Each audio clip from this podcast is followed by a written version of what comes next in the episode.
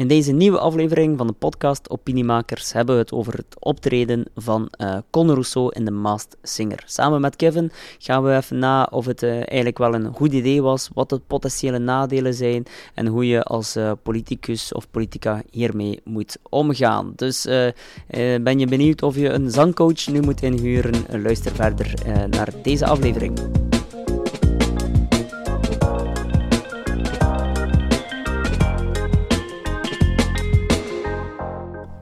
Welkom bij een nieuwe aflevering van de podcast Opiniemakers. En het is alweer uh, weer een paar weken terug, maar uh, er was heel wat te doen rond ja, het tv-optreden van uh, Conor Rousseau, die in de Masked Singer zat. Ja, het is dus niet de eerste keer dat een partijvoorzitter deelneemt aan een populair tv-programma.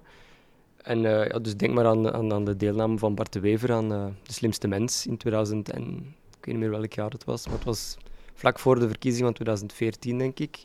Waardoor dat echt een, een, enorme monsterscore heeft behaald. En ik vroeg me af in hoeverre speelt zo'n programma mee in, in de resultaten van verkiezingen. En, en, ja, de, de algemene populariteit van zo'n zo'n politicus. Mm Wel, uh, ik denk dat we hier uh, rekening moeten houden met verschillende zaken. Eerst en vooral uh, wat het kracht is van de Maas Singer, is dat het uiteraard een, een absoluut kijkcijferkanon is. Hè. Als, je, als je ziet wat de kijkcijfers waren de afgelopen maanden en, of afgelopen weken omtrent de Maas Singer, ja, dan kom je zeker allee, de komende duidingprogramma's al ter zake en is even dat helemaal niet in de buurt. Hè. Dus ik denk dat zij ongeveer op een anderhalf miljoen kijkcijfers zaten of zo. Dus dat is gigantisch. Dat is een van de topprogramma's in Vlaanderen. Dus eerst en vooral enkel en alleen al omtrent de naamsbekendheid dat je daarmee genereert, is, ja, kan je helemaal niet vergelijken met een uh, ter zake of uh, een, uh, een de afspraak. Is het dan het enige dat er te doet, die naamsbekendheid bij die doelgroep? Wel, dat is natuurlijk afhankelijk wat je bedoelt met de doelgroep. Want de naamsbekendheid is uiteraard gigantisch belangrijk voor een politicus of een politica. En wat bijkomstig is, en dat is dan ja, wat, we heb, wat we bedoelen met de doelgroep, hè, wat bijkomstig is, dat het uiteraard een publiek is die waarschijnlijk wat minder interesse heeft in politiek. En daarmee bedoel ik de, de kiezer die, die ook moet gaan stemmen, die ook moet gaan stemmen, maar die niet elk televisieduidingsprogramma bekijkt en die, die wel op vrijdagavond even relax in de zetel naar een uh, amusementsprogramma wilt kijken, ja, ook die mensen moeten stemmen. En heel veel politici bereiken die vandaag niet, omdat zij vooral actief zijn of vooral aanwezig zijn in praatprogramma's zoals een, uh, De Zevende Dag of een, een uh, Ter Zake. Maar uiteraard is dat niet het enige dat belangrijk is. Uiteraard is, is een inhoudelijk verhaal ook cruciaal, maar ja, je kan wel een zeer inhoudelijk verhaal brengen, maar als niemand er naar luistert, of niemand je kent, of niemand wil luisteren, of je niemand, niemand jou volgt, dan mag je nog wel een heel sterk inhoudelijk programma hebben, maar dan ga je ja, waarschijnlijk nog altijd niet, niet die stemmen halen, hè? Dus, uh, omdat niemand jou gewoon ziet. Hm. Dus ik ga ervan uit dat het nu voornamelijk draait om, de, om het menselijke aspect van de politicus. Ja. En de sympathie die, die ermee gepaard gaat. Ja, zo, vooral. deelname ja, Absoluut. Als we kijken naar bijvoorbeeld bepaalde personal branding uh, modellen, dan zien we dat vooral uh, dat er eigenlijk twee assen belangrijk zijn. En dan zie je de sympathieas en de competentieas. En in politiek uh, is er daar ook heel wat uh, psychologisch, politiek psychologisch onderzoek naar gedaan. En een beetje kort door de bocht zou je kunnen stellen dat, uh, dat empathie, integriteit, competentie en, uh, en leiderschap eigenlijk het belangrijkste is. En um, ja, competentie kan je ook een stukje slash intelligentie gaan zien. Maar ja, wat je met Maas Singer vooral dus doet, is meer focussen op die warmere as, die sympathie-as. En dat is wat, wat nu wel een succesvol project is geweest voor de vooruitvoorzitter. Gebeurt het dan veel dat mensen hun, hun stem echt laten beïnvloeden door die sympathie in plaats van de politieke voorkeur? Zoals bijvoorbeeld de mensen die dan zoveel jaar geleden op Bart de Wever hebben gestemd, nu op Conor Rousseau zouden stemmen? Ja, dus eigenlijk bedoel je dan vooral dat, dat het inhoudelijke verhaal voor die mensen er minder toe doen en dat ze vooral stemmen vanwege de sympathiefactor. Ja. Um, wel, het is een beetje wel, als we bijvoorbeeld kijken naar dataonderzoek, enerzijds, dan zien we effectief, er is een onderzoek door de Universiteit van Antwerpen, eh, als ik het goed heb, is dat, uh, dat veel mensen niet op de, inhoudelijk op de juiste partij stemmen. Wil dat dan zeggen dat, ze, dat het verschil echt zo groot is van bijvoorbeeld extreem links naar extreem rechts, dat niet per se, het gaat eerder over ja, binnen dezelfde of een gelijkaardige ideologie, bijvoorbeeld mensen die op uh, vooruit stemmen, die eerder op groen ook zouden kunnen stemmen volgens hun inhoudelijke voorstellen. Dus het verschil is niet zo gigantisch uh, uit elkaar. Maar het klopt wel dus dat, dat, dat, mensen niet per se stemmen vanwege de inhoudelijke voorstellen. Hè. We zien dat dus uit, uit uh, dataonderzoek ook. En ik denk dat de meeste mensen die interesse hebben in politiek of politieke communicatie dat ook wel kunnen beamen. Um, wil dat zeggen dat ze enkel daarvoor stemmen? Dat zeker niet, want als we dan terugkijken naar die sympathie- en competentieas, dan moet je ook wel een, een inhoudelijk verhaal kunnen brengen. Als we dan bijvoorbeeld terugkijken naar, uh, of ja, wat jij zei in het begin, Kevin uh, Bart Wever, um, dan, dan denk ik dat het, uh, ja, dat het niet 100% te vergelijken is, omdat een slimste mens ter wereld veel meer op die competentie ook gaat focussen, die intelligentie. Het is een quiz, terwijl de Maas Singer gaat over hoe goed je kan zingen en acteren uh, of performen, dat is uiteraard niet, dat, heeft, ja, dat, heeft niets te maken met competentie in de politiek. Terwijl de mhm. slimste mens ter wereld, als je in de finale zit van de slimste mens ter wereld, wil dat toch ook wel iets zeggen over je intelligentie. Mm -hmm. Dus ik denk voor een, voor een uh, vooruitvoorzitter, uh, voor de vooruitvoorzitter Conor Rousseau, dat daar het competentie, dat de competentie als de komende weken wel een prioriteit moeten zijn om die goede balans te bewaren. Hm. Oké, okay, en naar de toekomst toe gaan we dat meer tegenkomen in de media? Dat bijvoorbeeld echt zo voorzitters van, van partijen gaan meedoen aan verschillende programma's? Wel, ik denk um, nu. Achteraf is dat voor veel politici uiteraard uh, makkelijk zeggen. Hè. Ik, heb, ik heb bijvoorbeeld heel veel politici zien, uh, zien tweeten dat ze het schaamtelijk vinden. Ik kan daar iets over zeggen, dat is een mening uiteraard. En, maar ik denk dat heel veel politici, moesten ze de kans krijgen om deel te nemen aan een Maas Singer, ook wel ja zouden gezegd hebben. Ik denk nu wel voor dergelijke programma's, omdat er dus heel veel politici, misschien ook wel vanuit een bepaalde jalo jaloezie, uh, ja, geuit hebben dat ze daar niet mee eens zijn, dat ze dat niet oké vinden dat een politicus of politica hier aan meedoet, denk ik dat ze misschien nu wel iets meer zullen nadenken voor ze aan dergelijke programma's zullen deelnemen. Maar als je het gewoon even van een politiek marketing perspectief bekijkt, puur wat simplistisch kosten-batenanalyse, dan denk ik dat de, de baten groter zijn dan de kosten, omdat je gewoon een groep bereikt van mensen die je anders heel, heel, heel moeilijk bereikt. Want uh, de mensen niet te vergeten, de mensen die, die vaak naar de zaken, die vaak naar de afspraak, vaak naar de zevende dag kijken, zijn over het algemeen mensen die ook al zeer sterk geïnformeerd zijn. En waarschijnlijk of veelal ook al relatief weten op wie ze zullen stemmen. En ik ga uiteraard nu wat kort door de bocht, maar bij de Maas Singer zal je waarschijnlijk meer mensen bereiken die wel nog uh, te overtuigen zijn om op jou uh, al dan niet te stemmen. En gaan, ze, gaan die kijkers dat dan eigenlijk nog, nog blijven onthouden tot in 2024, wanneer het recht toe doet? Ja, dat is uiteraard de vraag. Hè. En um, als we kijken naar bepaalde overtuigingsmodellen, dan zien we ook dat mensen die overtuigd worden door emoties, door sympathie bijvoorbeeld, hè, waar we het daarnet over hadden, dan zien we wel dat hun uh, overtuiging, laten we dat maar zo zeggen, minder resistent is tegen andere overtuigingen en ook eerder van korte termijn. Wat wil zeggen, bijvoorbeeld, hypothetisch uiteraard, iemand die volgend jaar ook meedoet aan de Maasinger, een ander politicus of politica, die het ook zeer goed doet, die het ook met een bepaalde stijl uh, het helemaal aanpakt. Ja, daarvan zou je kunnen zeggen dat zij dan ook wel sneller weer gaan uh, over, overschakelen, bij wijze van spreken.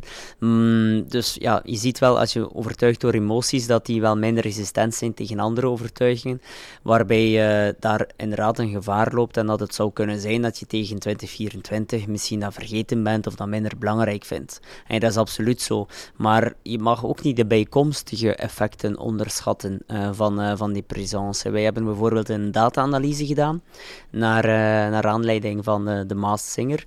En even, gekeken van oké, wat de groei was van het aantal Instagram-volgers bij, bij de heer Conor Rousseau. En uit het hoofd dacht ik dat dat tussen de, rond de 14 10.000 was. Dus op het moment dat hij dat bekend werd dat hij, dus de, konijn was het, hij, het konijn was in de finale van de Maas Singer, dan heeft zijn uh, aantal volgers, of is zijn aantal volgers in één dag maar liefst met 14.000 uh, volgers gegroeid. En dat zijn natuurlijk al 14.000 mensen die hem nu wel zullen blijven volgen. Die hem vroeger niet volgden. En dus veel minder ook de mogelijkheid hadden om zijn politieke boodschappen te leren kennen. Want hij werkt heel veel met stories. En op deze manier ja, maken ze wel veel meer connectie, terwijl ze dat anders nooit zouden gedaan hebben. En als je dan bijvoorbeeld kijkt naar, uh, ja, zijn nu recent uh, voorzittersverkiezingen geweest bij Groen. Zij hebben daar ongeveer, laten we zeggen, een maand of twee maanden ongeveer campagne gevoerd. Ze hebben en ja, naar aanleiding van deze podcastopname gekeken van hoeveel hun volgersaantal zijn gegroeid. En dat, dat, is, niet meer dan, dat is niet meer dan duizend. Mm Het zijn een paar honderd, uh, maximaal zelfs. Maar ik denk dat er misschien een paar tientallen maar zijn. Mhm. Dus dan voer je twee maanden campagne. Zit je in de zevende dag, zat ze ook in de, de ter zake, uh, via allerhande, allerhande sociale media, campagnes, video's, uh, hebben ze heel veel campagne gevoerd. Al, al bij al viel het wel nog mee hoor, maar er is toch redelijk wel campagne gevoerd. En toch maar een tientallen uh, volgers erbij. Als je dat dan vergelijkt met de Maasinger, 14.000 op één dag. Dus dat, kan je, uh, dit is wel een gigantisch, uh, gigantisch verschil. En op deze manier kan het ook op de lange termijn een effect hebben. Ja, oké.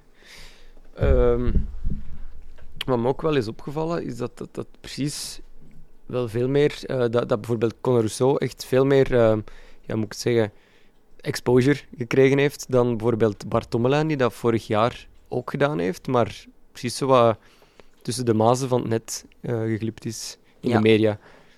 Ja, dat klopt. Um, vorig jaar heeft uh, Bart Tommelijn ook meegedaan, maar ik denk dat hij was hij er niet als eerste? Of hij lag er als eerste. Ja, ja als eerste lag hij eruit. Waarbij, ja, al bij al, er is daar toen ook wel een klein, klein beetje kritiek op mhm. geweest. Maar op Twitter, ja, op Twitter, Twitter en kritiek, dat zijn uh, synoniemen. Uh, dus um, dat is niet te vergelijken met Conor Rousseau. Maar het is ook een groot verschil dat Bart Omlein er effectief als eerste uitlag. Mm En dat Conor Rousseau in de finale zat. Je mag niet onderschatten, opnieuw jaloezie, komt ook een stukje aan bod. Ik denk dat veel politici toch ook wel die droom zouden hebben om dat uh, uit te houden tot dan.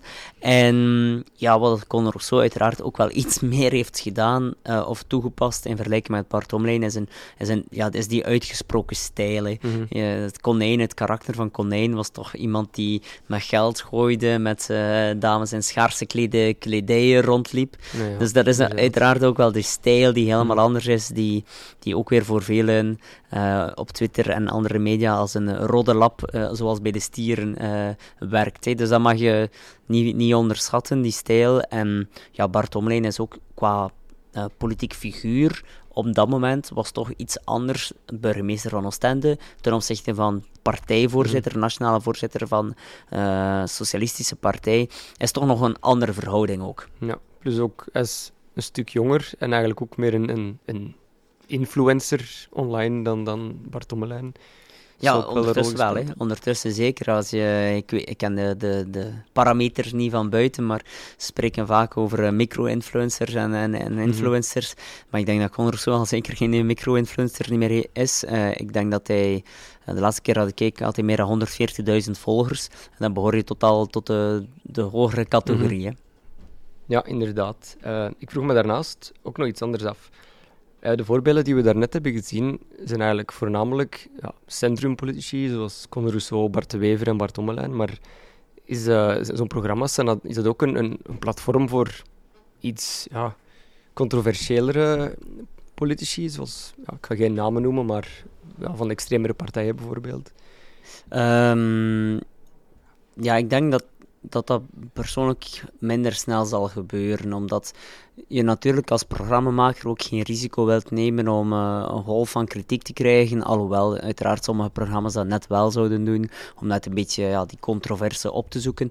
Maar ik denk, om, om dan bijvoorbeeld onze extreem uh, aan de zijden uh, partijen te noemen, dus de PvdA in, in Vlaanderen en Vlaams Belang in Vlaanderen, om dan die partijvoorzitters, Tom van Grieken en een Raoul Hedenbouw te noemen, denk, dit denk dat zij niet zo heel snel in een praatprogramma zullen, uh, ja, of een amusementsprogramma bedoel ik dan, een amusementsprogramma aanwezig zullen zijn. Dat denk ik niet, omdat het risico te groot is om, om je programma daaraan, daaraan ook aan te verbranden. Want ik denk dat heel veel opiniemakers al zouden veroordelen. En ja, een amusementsprogramma als een Maas Singer is toch een feel-good programma, om dan al die politieke uh, opinies daar rond te hebben. Wat nu alles een stukje zo was met Colin Rousseau. Maar ik denk dat je dan een Tom van Grieken uh, in een pak zou steken, dat je enkel nog, nog meer, veel meer kritiek zou krijgen. Dus ik zie dat niet snel gebeuren, nee. Ja, dus, dus uh, een, een, aflevering van de Koren van Koppes met uh, Tom van Grieken en Raoul Hedebouw in de hoofdrol gaan we niet direct op tv zien. Goh, misschien in functie van de verkiezingen als een stukje, als een, stukje uh, een joke of zoiets, ja, zie ik wel nog gebeuren, maar uh, niet, niet zomaar in buitenpolitieke tijden, nee. Ja, oké.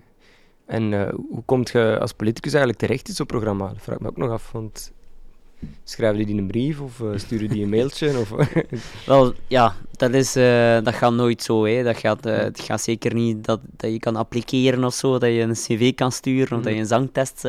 motivatiebrief. ja, een motivatiebrief. Nee, een gele nee. briefkaart. Ja, een gele briefkaart misschien. nee, nee, uiteraard niet. Maar um, ja, dat is een stukje ook opnieuw daar het imago van van de kandidatuur die belangrijk is. Hè. En Conor Rousseau, die meer als een jonge uh, politicus wordt gepercipeerd. Die zelf ook al wat volgers heeft op Instagram, wat ook weer interessant is voor het programma, uiteraard.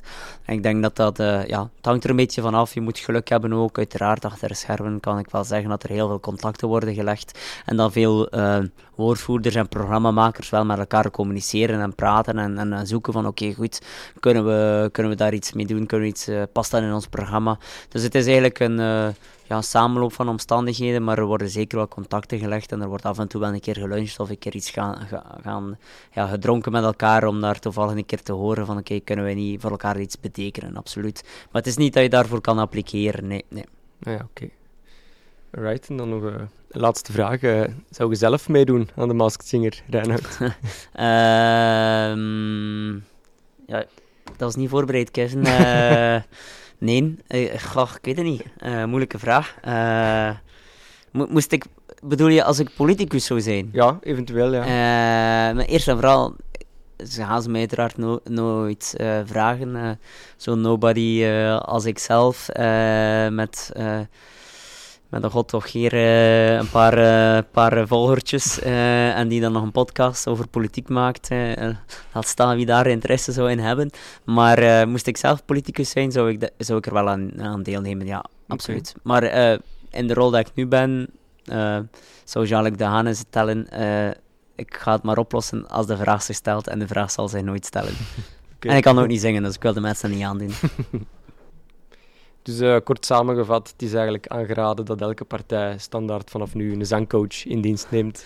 Uh, dat, dat, denk ik niet, Kevin. Ik denk uh, misschien op freelance basis of zo. Uh, maar al bij al denk ik dat het gegeven de Maas Singer nu niet zo politiek relevant is om daar hard op in te zetten. Ik denk dat je als politicus vooral nog moet ja, inzetten op die bereikbaarheid, die competentie. En als je dan natuurlijk een een, eh, een voorzet krijgt, uh, zoals de Massinger, dan moet je die uiteraard al binnenkoppen. Maar politiek en, en politieke communicatie te dat gaat, uh, of politieke communicatie tenminste, dat gaat over ja, zorgen dat je op de juiste manier en de juiste boodschap zegt bij de juiste doelgroep, zoals die communicatie al, altijd is.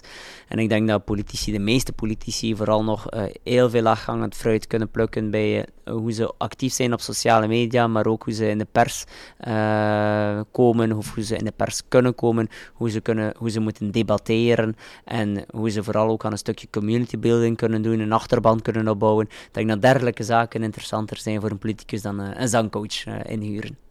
Maar ja, uiteraard, om samen te vatten en te eindigen, ja, het is, uh, wel, wel, ja, het is wel zeker een, een voordeel geweest voor uh, Conor Rousseau. Je ziet dat ook in de statistieken, je bouwt er een nieuwe doelgroep mee op. Uh, veel, veel, veel extra volgers erbij die je nu permanent gaan, gaan bekijken, gaan jouw boodschap, jouw inhoudelijke boodschap kunnen leren kennen. Het is zeker een voordeel geweest, maar het zal nu ook zijn om dat inhoudelijke verhaal te koppelen aan het sympathieke verhaal. Oké, merci Reinoud. tot de volgende. Met plezier, Kevin.